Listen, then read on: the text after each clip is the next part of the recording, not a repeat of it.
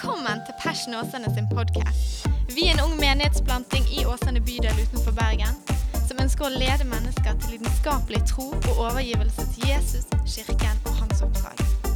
Takk for at du lytter til vår podkast, og vi håper du blir oppmuntret og utfordret i din etterfølgelse av Jesus. Du, Temaet for denne viken her er jo 'Kom Hellige Ånd'. Kom Hellige Ånd. Og ehm, I høst så har jo første forkynnelsen vi hadde, de to talene, har på mange måter handlet om hva kirke er for noe, og hva vi tror Gud løfter opp kirke skal være for noe. Da. Og Forrige gudstjeneste var jo på en måte en preken uten notater, mer et hjertesukk enn en tale. Men at vi skal få lov til å være et bønnshus, et sted der Gud er med sin herlighet, og kirke er det det er tiltenkt å være. Da. Og Det ble en fantastisk bønnestund etterpå. Eh, og jeg tror det resonnerer med mange av våre sine hjerter. at hva, Vi har ikke lyst til å bare leke kirke, men vi har også lyst til å leve kirke. Sånn som Bibelen løfter det opp å være. Da. At det ikke er helt forutsigbart alt som skjer. For det, det er en annen person som er med, nemlig Gud sjøl. Og han gjør ting som vi ikke har planlagt av og til. Da. Og det er jo forlengelsen av det så har vi Viken og tematikken som er 'Kom Hellige Ånd'. Og Vi har ikke veldig mye forkynnelse, men vi har mer bare tid i Guds nærvær. da. Tid i lovsang, tid i bønn, tid i betjening. Og I går så var det en fantastisk kveld. Og så I kveld kommer det til å bli enda mer av det, og så en del i morgen tidlig òg. Så i dag er den ene undervisningsbolken som vi har. da. Så det er de som er dyslektikere eller syns det er krevende å høre på Det var, det var veldig fordomsfullt å tenke at de som er dyslektikere ikke liker å høre på. Det handler jo om å lese. Um, men uh, for de som syns taler kan være litt vanskelig, det er bare denne talen her. Men da kan vi ta og spisse ørene ekstra. da. Uh, og um, Det var en mann som het John Wimber, og jeg syns dette sitatet er så vanvittig bra. Men han sa at uh, bibelvenner er menyen, men det er ikke måltidet. At Bibelen forteller oss hva som er tilgjengelig. Men målet i seg sjøl er ikke at vi skal spise på den plastikklaminerte menyen, men at vi skal se hva som finnes der, og så skal vi etterjage det. da. Og jeg vet ikke om du har tenkt på det, men hele Bibelen, jeg, tror, jeg leste et sted at Bibel, 83% av Bibelens fortelling er narrativ. Er fortelling. da. Mens så det, det vi leser om i vår bibel, er erfaringer til Guds menn og kvinner opp gjennom årene og tidene. At de hadde en erfaring med en levende Gud. Men vi ender fort opp med å bare ha en erfaring med en bevitning av andre sin erfaring. hvis du forstår hva jeg mener. At vi bare leser og pugger og, og, og liksom erindrer andre sine møter med Gud. Og så er vi kjempegode på hvordan Abraham møtte Gud. Og så tror vi at det er et gudsmøte, uten å forstå at det at han møtte Gud, er også en invitasjon for at du og meg kan møte Gud. At det er bare en invitasjon for en relasjon. da. Det er det hele Skriften er. sant? Eh, så det er menyen, men det er ikke måltidet. Og det er hjertesukket bak denne viken her. At vi skal ha mer måltidstid og koldtbordtid, der vi får møte han istedenfor bare høre om han. da. Men så er det også sånn at det er fint å kunne få lov til å løfte opp litt eh, bibelsk belegg og litt teologi for det vi holder på med. Eh, og vi tror at Guds ord er levende, og at det skaper ting også, da, i oss. Så dette, I dag så har jeg tenkt til å snakke om helt enkelt Den hellige ånd. Hvem er han? Hvorfor er han viktig? Og hvordan leve i en relasjon med han. Veldig pedagogisk. Jeg får ikke jobbe som lærer lenger, så jeg tenkte at jeg må ta liksom, den didaktiske trekanten og liksom bare ligge det opp der. Eh, men hvem er han, hvorfor er han viktig, og hvordan kan vi leve i en relasjon med Den hellige ånd? Og eh, Vi skal ta og sprette ut ifra kanskje noen av de mest velkjente versene for Den hellige ånd, nemlig apostlenes gjerninger. Og Vi kan lese i det første kapittelet og det fjerde verset. Bakgrunnshistorien er at Jesus han har eh, levd livet her på jorden. Han har dødd, han har stått opp igjen.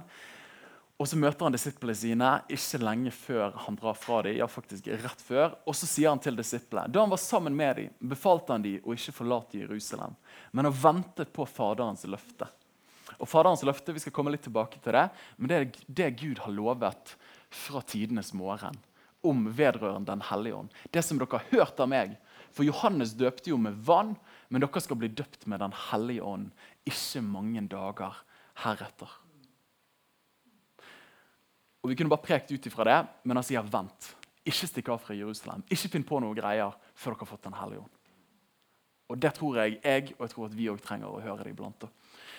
Og Så fortsatte de å si, si, si til han, og så sier de, Da de var kommet sammen, spurte de han og sa Herre, vil du på denne tiden gjenopprette riket for Israel? Og han sa til dem det er ikke deres sak å kjenne tider eller stunder så Faderen har underlagt sin egen myndighet. Han bare sånn, dette er et sidespor. Men dere skal få kraft når Den hellige ånd kommer over dere. Og dere skal være vitner om meg i Jerusalem og hele Judea og Samaria og helt til jordens ende. Dere skal få kraft når Den hellige ånd kommer over dere. Så går det et par dager, og så kommer vi til begynnelsen av det andre kapittelet. Apostlenes gjerninger. Og dette er jo tekstavsnittet der den kristne kirke blir født. For her står det da pinsedagen var kommet, var de alle samlet på samme sted med samstemt sinn. Og Jeg lurer på om det er derfor Vikner ofte er så bra. For da er vi på samme sted, og så er vi i samme mentalitet og samme sinn. Og da er det av og til eller da er man mer tunet inn på det Gud ønsker å gjøre. Og så leser vi, og plutselig kom det en lyd fra himmelen som en stormende, mektig vind. Og den fylte hele huset der de satt.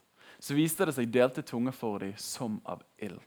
Og de satte seg på hver enkelt av dem, og de ble alle fylt med Den hellige ånd. Og begynte å tale i andre tunger, alt etter som ånden ga dem å tale. Ganske heftige vers der. Og eh, I dag tenker vi snakker om Den hellige ånd. Og under overskriften 'Kraften i kristenlivet'. Den hellige ånd, kraften i kristenlivet. Da. Vi tar og ber en helt enkel bønn. Hellige ånd, kom, Hellige ånd. Amen. Amen. Det er ikke ofte en forkynner sier han skal gjøre noe kort, og så blir det kort. Men akkurat den var kort. Du, helt til å begynne med, Hvem er Den hellige ånd? Hva er Den hellige ånd sin historie? Og jeg tror at Vi er nødt til å være litt grann ærlige. At Når vi snakker om Den hellige ånd, så er han for mange av oss et spørsmålstegn. Og sånn, Kirkelandskapet i Norge og i Vesten og i verden er veldig enkelt karikert sagt. Så har du, du kan si du har Den katolske kirke ytterst på venstresiden som er veldig sånn høykirkelig. Det er messe, de har liksom kjoler og de har eh, hatter som er høye. Det er liksom veldig liturgisk og det er høykirkelig. sant? Det er forordninger. da. Og Så går du litt videre, så tøyes det mer og mer opp i, i snippen. Og så får du Den norske kirke, som eh, er på en måte, har mange elementer, men som kanskje er litt mer levende. De har ikke, og så har du ortodokse kirke et sted inni der. Og så har du lavkirkeligheten i Norge som er type liksom, bedehusbevegelsen, men som er formelt inn under kirken, i hvert tidligere. Og så har du andre frikirkelige samfunn, som metodister, baptister, eh, adventister. Eh, og så har du den karismatiske bevegelsen, eller karismatiske frikirkene, som er liksom enda lenger der ute. Eh, og der har jo du oss. da. Eh, og der ute der er det gjerne enda mer liksom, rom for Den hellige ånd. At, at, på den det var veldig sånn, La meg forstå, forstå, meg rett, hør meg rett, men at Den hellige ånd ofte kan være veldig dogmatisk, en læresetning i, i veldig høykirkelige tradisjoner. Mens i lavkirkelige tradisjoner frikirkelige tradisjoner, så kan ofte Den hellige ånd eh, være litt mer liv og røre. Og man har mer praksiser på å slippe Den hellige ånd løs. Eh, I den forstand at Man snakker om tungetale, man snakker gjerne om fri lovsang. Eh, og Kanskje noen av dere har vokst opp i, menighetskonstellasjoner sånn som meg og flere av oss her inne, med liksom flagg under lovsangen. og Hvis det var ekstra sterkt, så var det noen som hentet Israelsflagget opp på scenen, og da var det kraft. vet du. Eh, dere har kanskje merket at vi ikke har hatt Israelsflagg her i Passion. Vi har ikke lyst til å oppleve de heftige øyeblikkene. Noen ting er veldig bra, noen ting var litt rart. Eh, men kirkelandskapet, Den hellige ånd, på en måte er det mange ulike assosiasjoner som melder seg. da. Og så har du den apostoliske trosbekjennelsen som store deler av kirken i Vesten og verden holder seg til. Jeg tror på Gud Fader. sant? Jeg tror på Gud Fader, den allmektige himmelen som jorden skaper. Og så bare kommer det. Og så Den andre trosartikkelen jeg tror på Jesus Kristus, Guds enbårne sønn, vår Herre, som ble unnfanget ved Den hellige ånd. Og det er, bare, det er bare så mye å si om dem. Og så kommer den tredje trosartikkelen. Den er bygget opp etter treenigheten.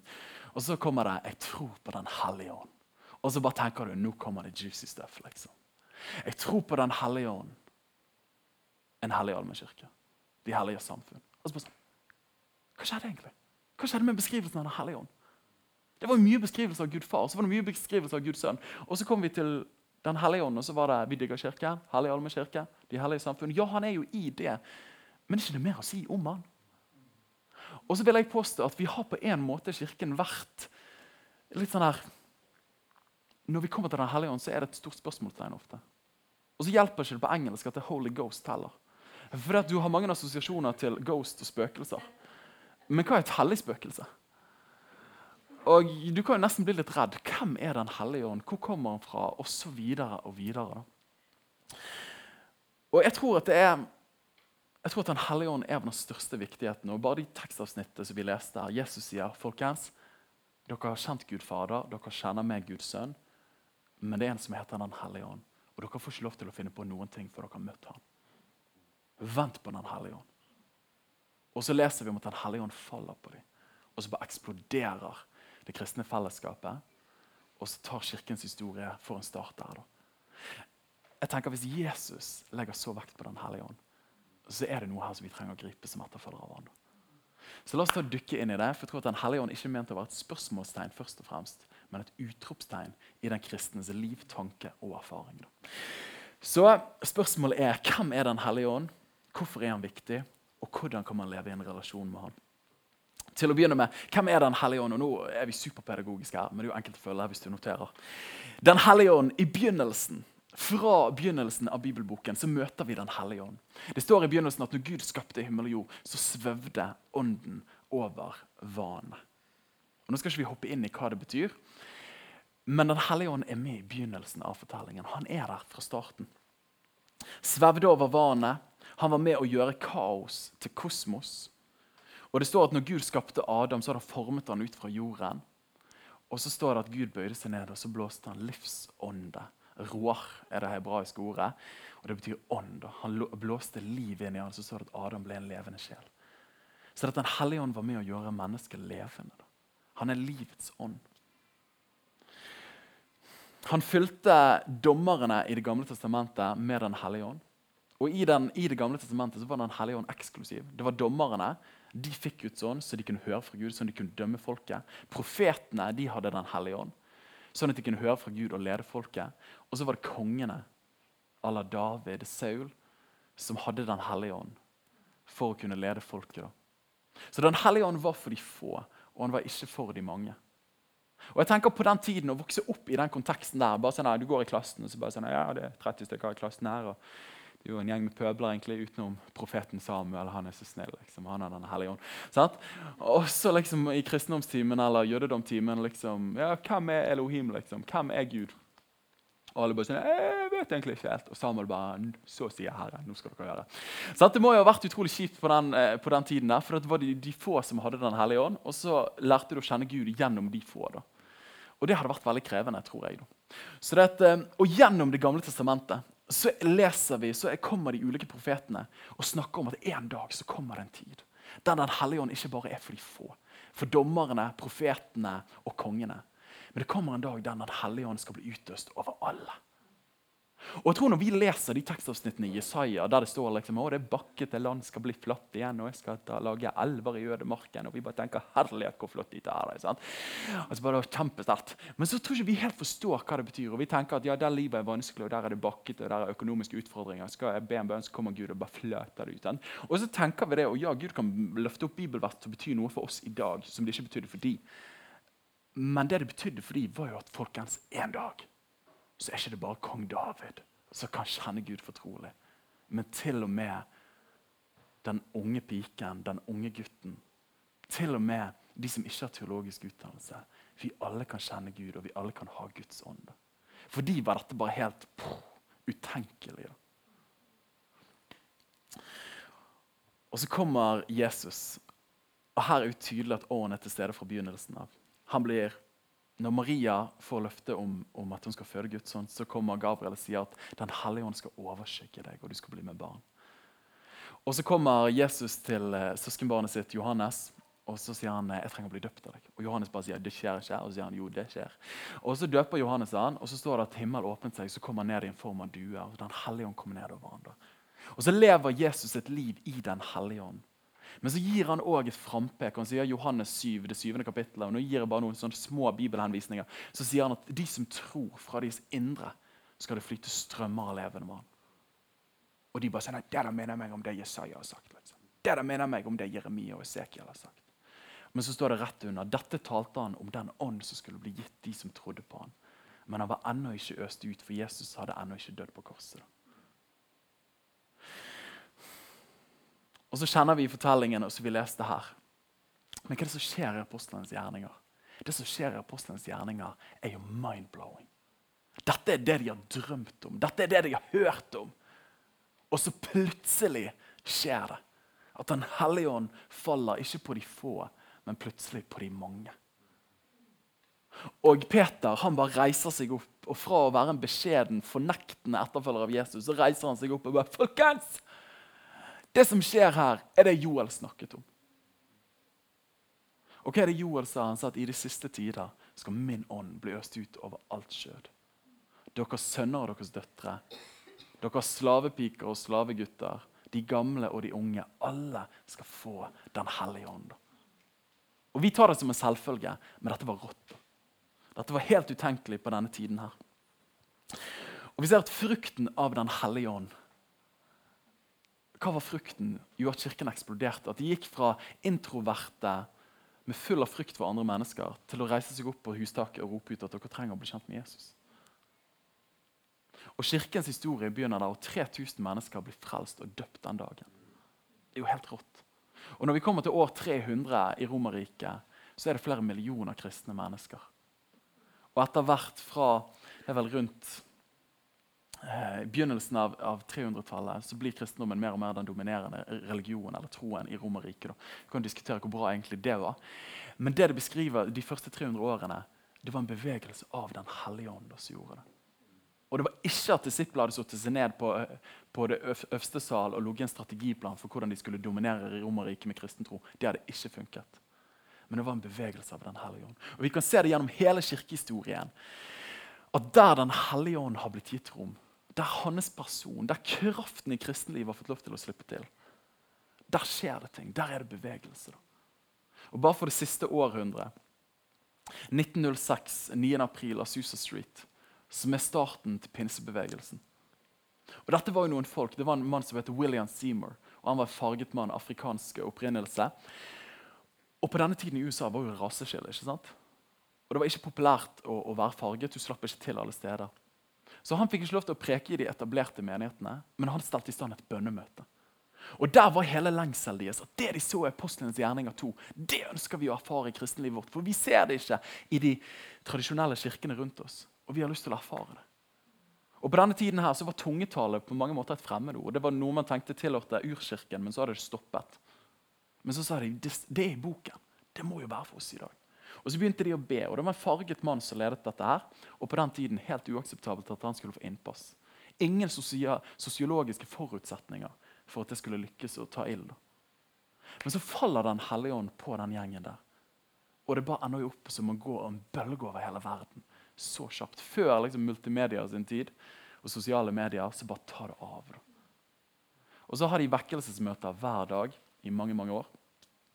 Og I dag så er den pinsekarismatiske vekkelsen teller et sted med tallet varierer fra liksom 500 millioner til 700-800 millioner mennesker i dag. Da. Det er crazy.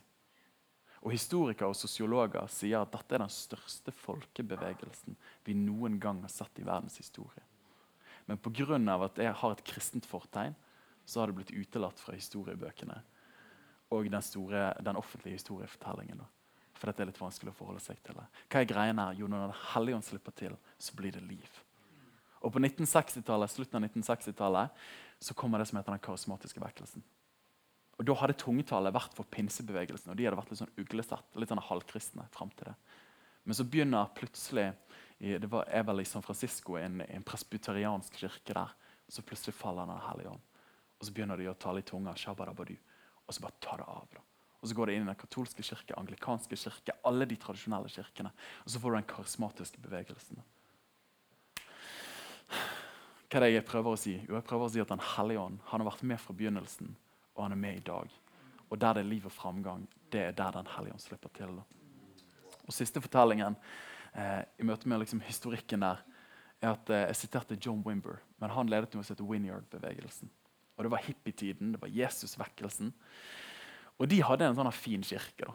Og det var ok, Folk var niti, folk kledde seg pent. Eller det var jo hippietid, så de kledde seg kanskje ikke altfor pent, men de liksom oppførte seg noenlunde. Og så kommer det en type der som var hardcore hippie. da. Og Han het Lonnie Frisbee. En veldig interessant person. Hadde en litt sånn kjip avslutning på livet sitt. Men han kommer der, og han er wildshot for Jesus. da. Så John Wimber, respektabel pastor, har begynt å jobbe som menighetskonsulent og reiser rundt. Og så har han invitert denne hippietypen som han har hørt om at det der kan jo bli spennende. Og Så kommer John eh, Lonnie Frisbee opp der, og så er det masse ungdommer i rommet.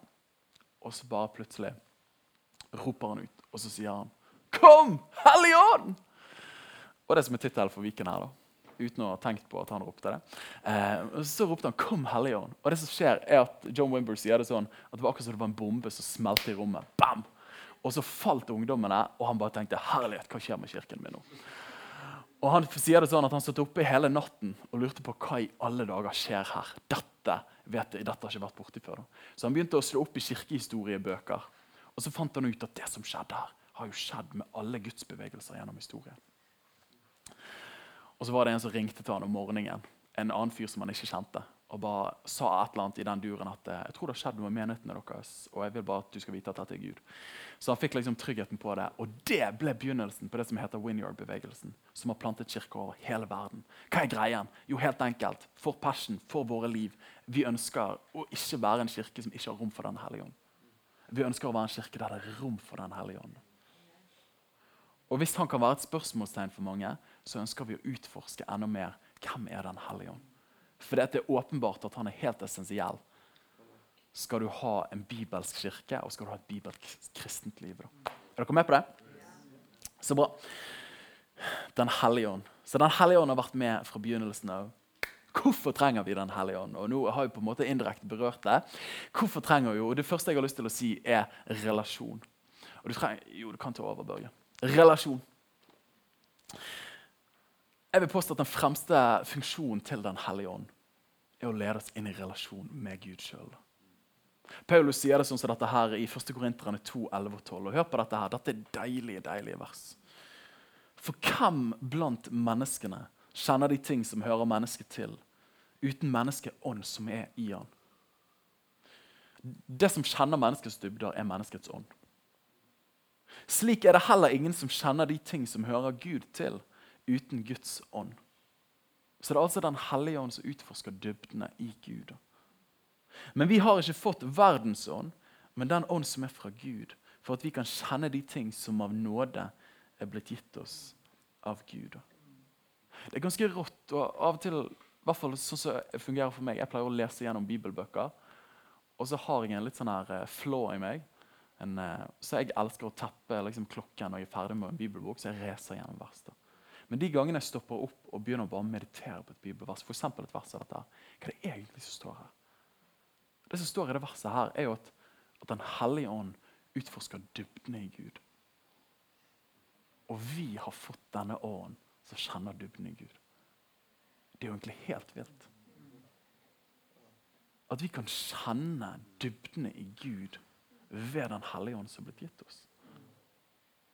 Ok, Hva betyr det?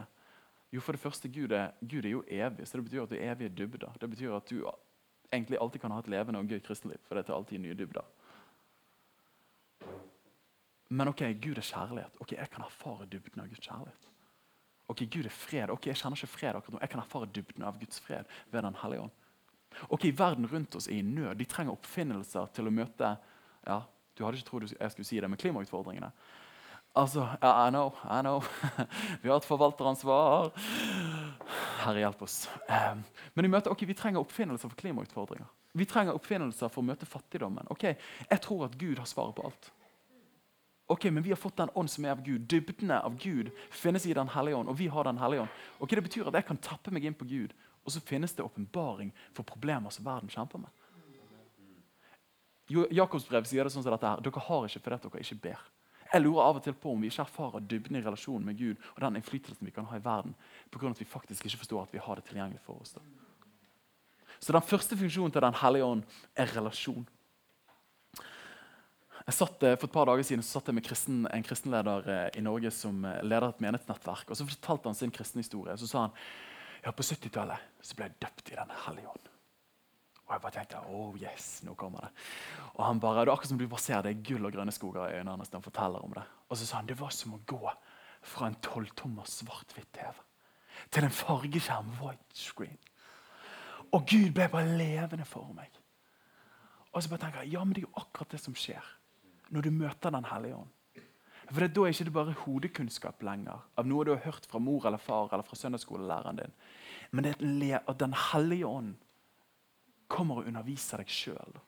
Jesus sier det på denne måten. her. Han sier i Johannes 16. kapittel og 13. verset. Så sier han men når han, sannhetens ånd, kommer, så skal han veilede dere. Og Det ordet 'veilede' er jo pedagog, hvis jeg ikke tar feil.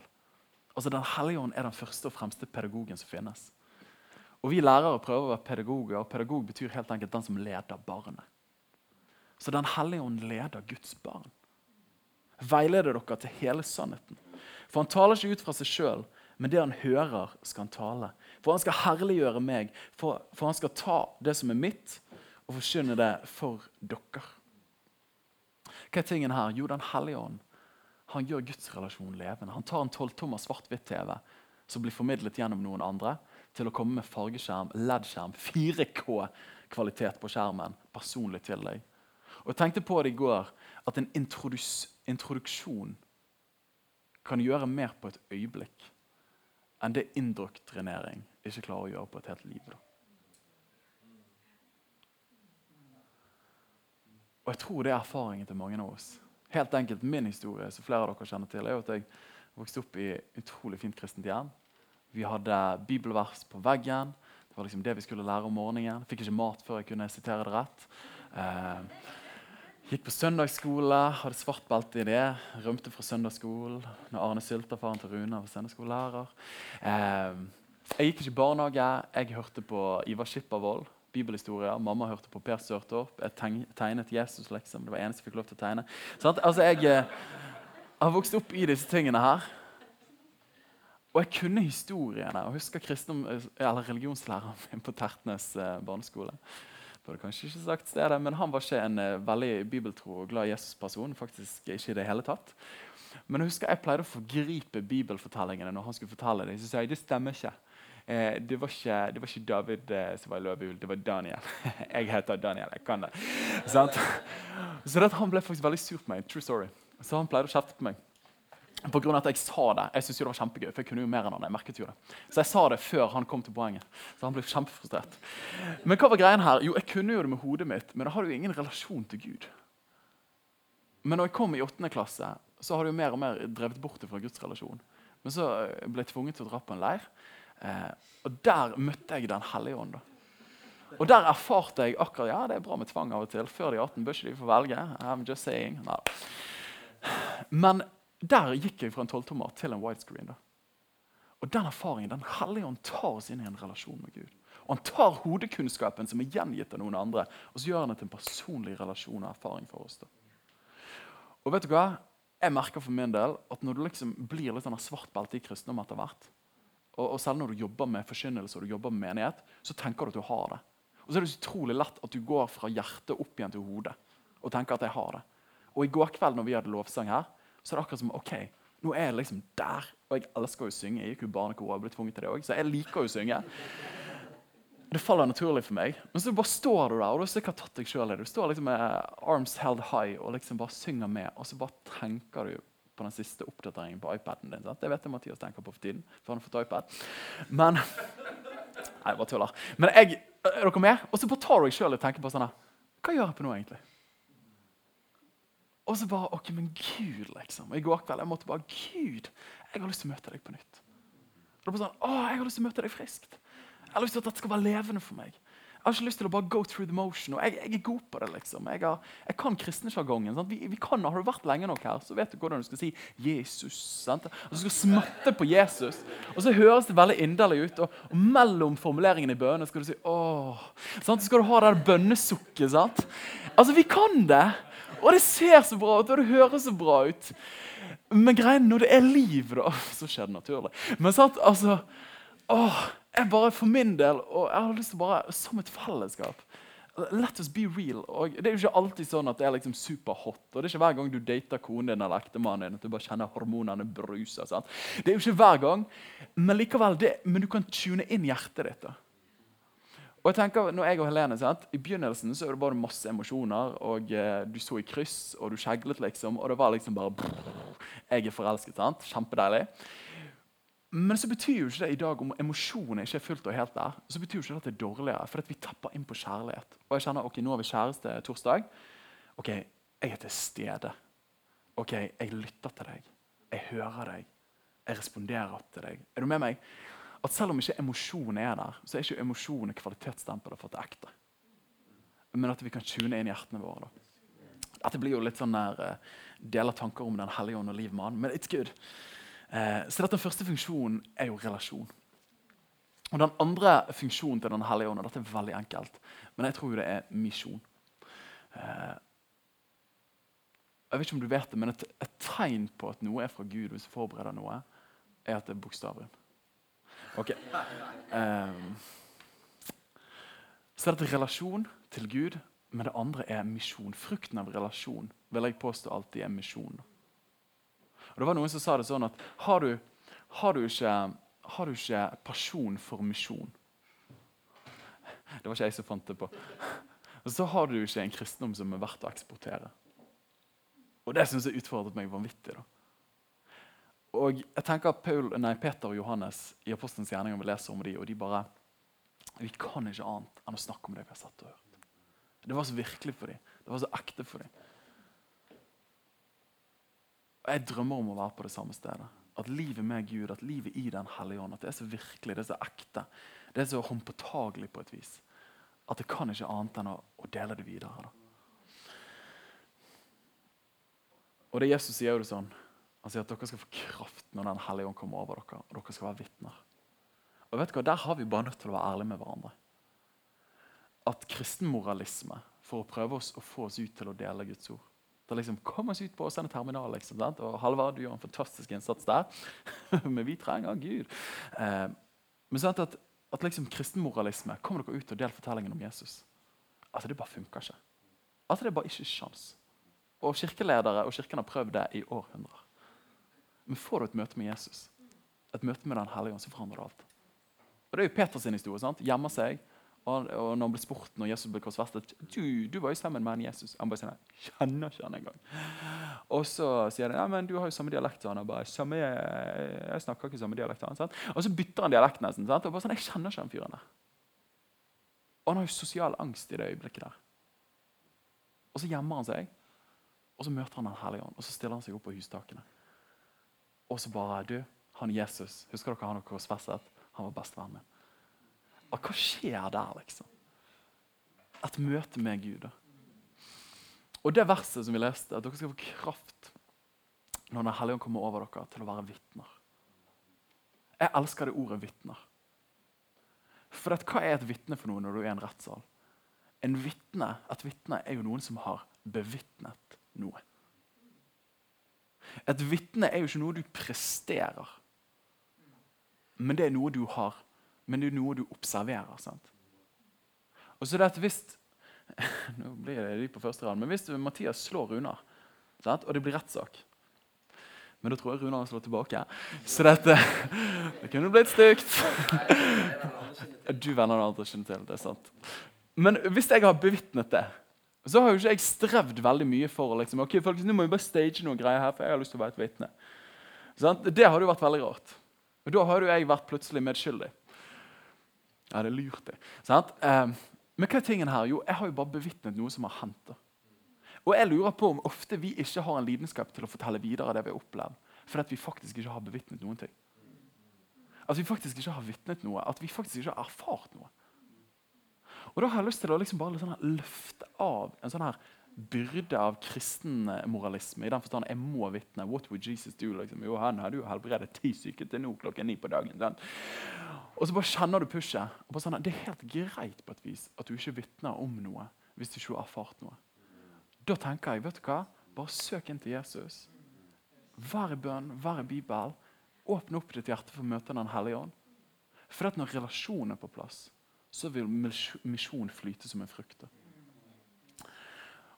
Og jeg tror vi alle vet at vi har ikke lyst til å, å, bli solgt noe av noen der de faktisk ikke har peiling på hva det er for noe. Det er jo å bli lurt ofte. Men å bli solgt noe av noen som er lidenskapelig for det, er jo noe du har lyst til. Oh yeah. Så et kristenliv i Den hellige ånd. Relasjon og misjon. Og jeg, Dette er kanskje litt teknisk, men jeg føler det er litt sånn viktig å løfte det opp. Um, I kirkelandskapet så har du av og til fått litt skillelinjer når du snakker om Den hellige ånd. For Pinsevenner de kommer og snakket om du trenger å bli døpt i Den hellige ånd. Og de bare så ja, the Holy Ghost. Sant? Og så tenkte de at du blir frelst Og så blir du døpt i Den hellige ånd etter du har kommet til tro. da. Og så kommer gjerne indremisjonsfolk og eh, folk som står i en annen kirkelig tradisjon og bare sier nei, folkens, er det liksom en sånn second blessing. Og så har folk gjerne blitt sånn kritiske til pinsevenner når man snakker om dåp i Den hellige ånd, for at du får plutselig litt sånn A- og B-lag. Du har de som er bare kristen, og så har du de som er kristen og fylt av Den hellige ånd. Kjenner dere litt til eh, den greien der? Så det, det har ofte resultert i at pinsevenner har liksom blitt eh, ja, men de tror de er bedre enn oss andre. Eller karismatikere. Og så har du de som ikke vektlegger liksom, li eller dåpen i Den hellige ånd. snakker ikke om bruken av dåpen i Den hellige ånd. De vil gjerne si at når du blir døpt som barn, så fikk du Den hellige ånd. Eller når du kom til tro på Jesus, så fikk du Den hellige ånd. Og så blir det av og til løftet opp imot hverandre. Og Jeg skal ikke fordumme denne diskusjonen og si at det er bare liksom små forskjeller. Men jeg har lyst til å påstå at jeg tror at ofte det handler mer om språk enn det det faktisk handler om erfaring og substans. Og hva mener jeg med det? Jo, for det Kommer du fra en tradisjon der du ikke vil snakke om at å bli døpt i Den hellige ånd, så er det veldig vanlig å snakke om at eh, ja, jeg er kristen, men så møtte jeg Jesus. Ikke sant? Jeg vokste opp i et kristen hjem, men så møtte jeg Jesus. Og Da ble Bibelen levende for meg. Da ble bønnelivet plutselig interessant. Og da fikk jeg så lyst til å dele videre det jeg, jeg hadde erfart. sant? Og Da snakker man om at man har hatt et Jesusmøte. Og Snakker du om det i Indremisjonen eller NLM eller liksom deler av mer høykirkelig tradisjon, og da er alle bare halleluja. sant? Men så kommer det en pinsevenn. sant? Og Jeg har alltid vært kristen, men så eh, var jeg på møte, så ble jeg døpt Den hellige ånd. Og da bare ble Bibelen levende for meg. Og så fikk jeg lyst til å be, og så fikk jeg lyst til å vitne. Så det er akkurat som Beskrivelsen av frukten er jo den samme. Men språket er litt ulikt. da. Og så kaster vi litt stein på hverandre og sier at ja, men dere har ikke Den hellige ånd. For dere ber ikke i tunger. Og så sier de ja, men dere holder på med et eller annet rare greier. For der står det ingenting om i Bibelen. sant? Dere må møte Jesus, sier liksom indremisjonsmannen. Og så kommer pinsevennen og sier ja, dere må bli fylt av Den hellige ånd. liksom. Og så er det egentlig det samme man snakker om av og til. da. Er dere med meg? Og Der tror jeg det er så viktig å liksom bygge litt ned de der skillelinjene der. Og helt enkelt så tror jeg at det er veldig åpenbart ut fra Skriften at idet du kommer til tro på Jesus, så blir du beseglet med Den hellige ånd, sier Peter. Nei, og Paulus. Og, og den nytestamentlige forfatteren at du får Den hellige ånd når du kommer til tro. Så det at alle som tror på Jesus, har blitt et Guds barn, de har Den hellige ånd. Men så er det noe som jeg vil påstå heter å bli døpt i Den hellige ånd. Og hva er det for noe? Jo, Mange tenker jo sånn at ja, men det å bli døpt i Den hellige ånd, hvis jeg ikke er døpt i Den hellige ånd, så har ikke jeg Den hellige ånd. Nei, det er der man lytter inn feil. da. For at du har Den hellige ånd. Du har fått Den hellige ånd. Men det er én ting å ha fått den, en annen ting å bli forløst i et liv i Den hellige ånd. Tok dere den forskjellen? Og det tror jeg vi alle kan være enige om. At, at vi alle har Den hellige ånd når vi kommer til å tro på Jesus. Men vi trenger å bli forløst i det som har blitt gitt oss. det. Og på en måte er det sånn at Du feirer julaften, og så har mor og far gitt deg den største gaven. Og det er bare sånn at Gaven er din, men du får ikke erfare liv og trøkk i den før du tar av papiret og sitter deg på den trehjulssykkelen. Sant? Det er da det virkelig svinger og kjører rundt i gangen. der. sant? Veldig haltende bilde. Men du kan ha fått det uten å være forløst i det. da. Og det er det dåpen i Den hellige ånd er. Mens andre vil gjerne snakke om folk som ikke har en sånn pinse, klassisk pinsedåpssyn, eller eh, forståelse av Den hellige ånd, vil snakke om å bli fylt av Den hellige ånd. Mens pinsevenner vil snakke om å bli døpt i Den hellige ånd. Og der sier jeg det er kosmetikk, folkens. Det er bare ulike ord for samme realitet. Og Efeserne 5,18 sier drikk dere ikke fulle på vin, som er en god ting, særlig på Vestlandet, men bli fylt av Den hellige ånd. Og dere har hørt det før, men det står jo i gresk og det står i vedvarende form. Det blir- stadig fylt ved Den hellige ånd. Og Der har jeg lyst til å utfordre både mine indremisjonsvenner og mine pinsevenner. At man gjerne snakker om den gangen jeg ble fylt av Den hellige ånd. Eller den gangen jeg ble døpt i Den hellige ånd. Og så husker, jeg husker det var en lærer på en skole jeg gikk på. bare sånn, I 1987 så ble jeg døpt i Den hellige ånd. Halleluja. Så det var jo fantastisk. Men har det vært noen eh, fylder av Den hellige ånd siden det? At det er ment å være et liv i Den hellige ånd, der man daglig får påfyll. For at Den hellige ånd tar oss inn i relasjon, og han leder oss ut i misjon. Så det er et liv i Den hellige ånd. Og Nå går jeg inn for ending her. Nå etterpå skal vi ha dåp. Det er nydelig. Men når mennesker kom til tro og Dette var egentlig en sånn repetisjon av Basic-serien vår vi hadde i fjor. Men i, Hebreerne det sjette kapittelet står det om barnelærdommen i Kristus. Hvordan mennesker kom til nytt liv i Jesus. Da. I dag så har det ofte blitt øynene igjen opp med en labb i luften og så be etter meg. Og ingen må se at du har kommet til tro. Sånn, det er veldig viktig. Det er jo kanskje litt annerledes enn det Jesus sier. Han bare sånn her, eh, Hvis dere skammer dere over meg og mine ord i denne verden, her, så skal jeg skamme meg over dere når jeg kommer med mine engler. Okay, det er ikke et veldig søkervennlig vers å kvote. men Jesus sa det, så vi har ikke noe valg. Jeg sier ikke det er feil å lukke øynene opp med en hånd, men jeg tror det trenger å bli et offentlig vitne etter hvert. For det kan ikke bare være en personlig greie. da. Det trenger å være en ytre tro på et vis. Men det er tydelig at når du kom til tro i, i bibelsk forstand, så omvendte man seg. Det første var omvendelse. Og så var det tro. Og så det kan man kanskje tenke, Er ikke det først tro og så omvendelse? Jo, Det er kanskje litt kosmetikk, det der, men Bibelen sier faktisk omvendelse først. Hvorfor det? Jo, jeg vil påstå det at I Bibels tankegang så er ikke tro bare at jeg intellektuelt sier at det er rett. Men jeg kan ikke tro før jeg har vendt om. For det tro er konkret i bibelsk kontekst. Hvis jeg tror på noe, så legger jeg vekten min på det. Hvis jeg tror på noe, så lever jeg det. Det er en stor forskjell på en mer vestlig tro som sier at jeg tror at det er dårlig vær ute i dag. Og det er helt rett, for det er Norge og Bergen. Men jeg tror, men det har ingen konsekvenser for livet mitt. Men omvendelse jeg vender om fra det livet jeg har levd uten Gud. Jeg tror, jeg legger vekten min på Gud. Det er det som kalles for gjenfødelse. å bli født på ny. Men så er det å bli døpt i vann. Og så er det det eh, hebreerne kaller for håndsbeleggelse. Som er det å bli lagt hendene på for å få Den hellige ånd. Åndens gave. Sånn at man kan ha relasjon til Gud og bli kalt og i kraft til å være et vitne ute i misjonen. Det er den firestegsmodellen som du ser i apostlenes gjerninger. mer eller mindre ganske konsist. Og vi, vi, har lyst til å ta den tilbake igjen i det kristne livet som vi lever. For at eh, gode fødsler gir ofte gode fortsettelser. Mens har man uh, mangler i fødsel, så kan det ofte få vare men i kristenlivet senere. For eksempel, har du mye tro og dåp, men ingen omvendelse, så halter man litt. Men òg har du ikke blitt ja, du fikk ånd når du kom til tro om omvendelse på Kristus, men har du blitt lagt hendene på og blitt forløst? Døpt, fylt, velg ordet du vil sjøl, men i hvert fall erfaringen av å bli fylt i Den hellige ånd. Fylt av den hellige ånd. Så til slutt, Børge, du må ta siste verset. Det verset der er et av favorittversene mine.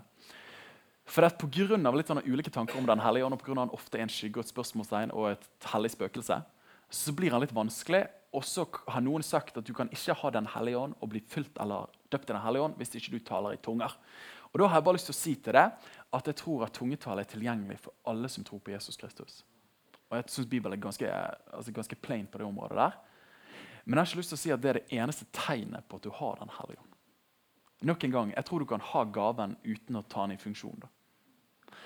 Men hvordan får Den hellige ånd? Og dette synes jeg er utrolig herlig. Jesus han gjør det veldig veldig enkelt og sier at hvis, dere da, hvis da dere som er onde, vet hvordan dere skal gi gode gaver til barna deres, hvor mye mer skal ikke da deres himmelske far gi Den hellige ånd til de som strever? Nei, til de som betaler mye Nei, til de som, nei bare til de som ber han. De som spør han. Og jeg lever med en enkel tro og tillit til Gud at av og til når man reiser rundt på ungdomsmøter, så ber man, da legger man hendene på ungdommer for at de skal bli forløst i Den hellige ånd som de allerede har blitt gitt. Og så er det noen, For et par uker siden så hadde vi 100 ungdommer som stilte seg opp et sted. Og noen vet du, de gråter. De bare knekker sammen.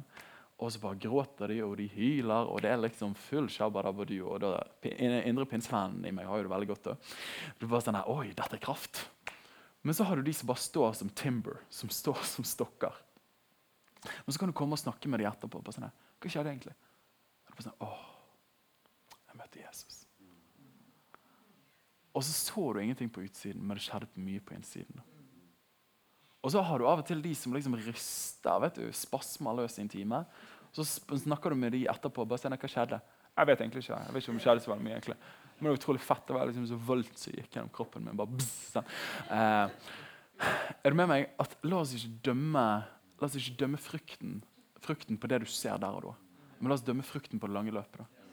Og jeg må også si at, at, at, ofte Det er så lett for at vi går i mindreverdighetstankegangen. Altså, så ja, men hun opplevde jo å, å liksom riste, eller han fikk jo plutselig. Shabadabadu. Jeg erfarte ingenting.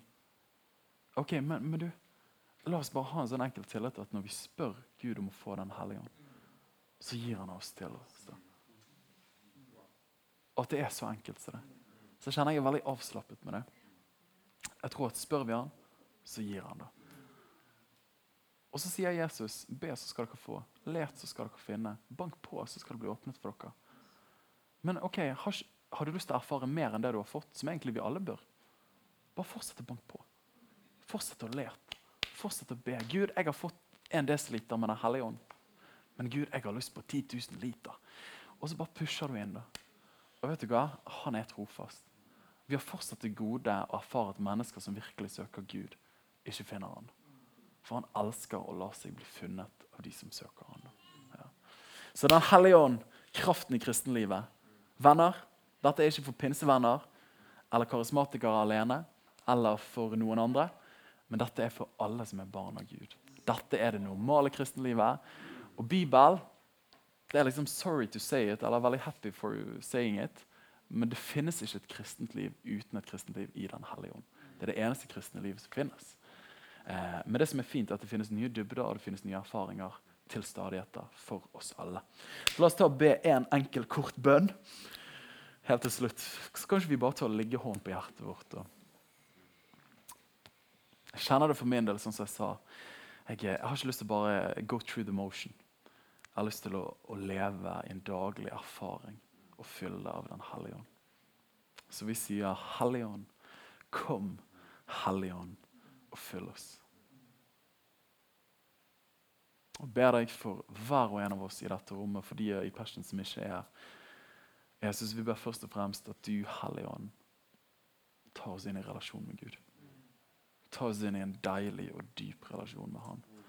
Sånn at kristenlivet er levende for oss. At vi faktisk har bevitnet noe og erfart noe. Og så ber vi at frukten av det skal bli at vi ikke klarer å la være å gi det videre. I ditt mektige navn. Kom, Hellige Takk for at du lyttet til Passion Åsane sin podkast.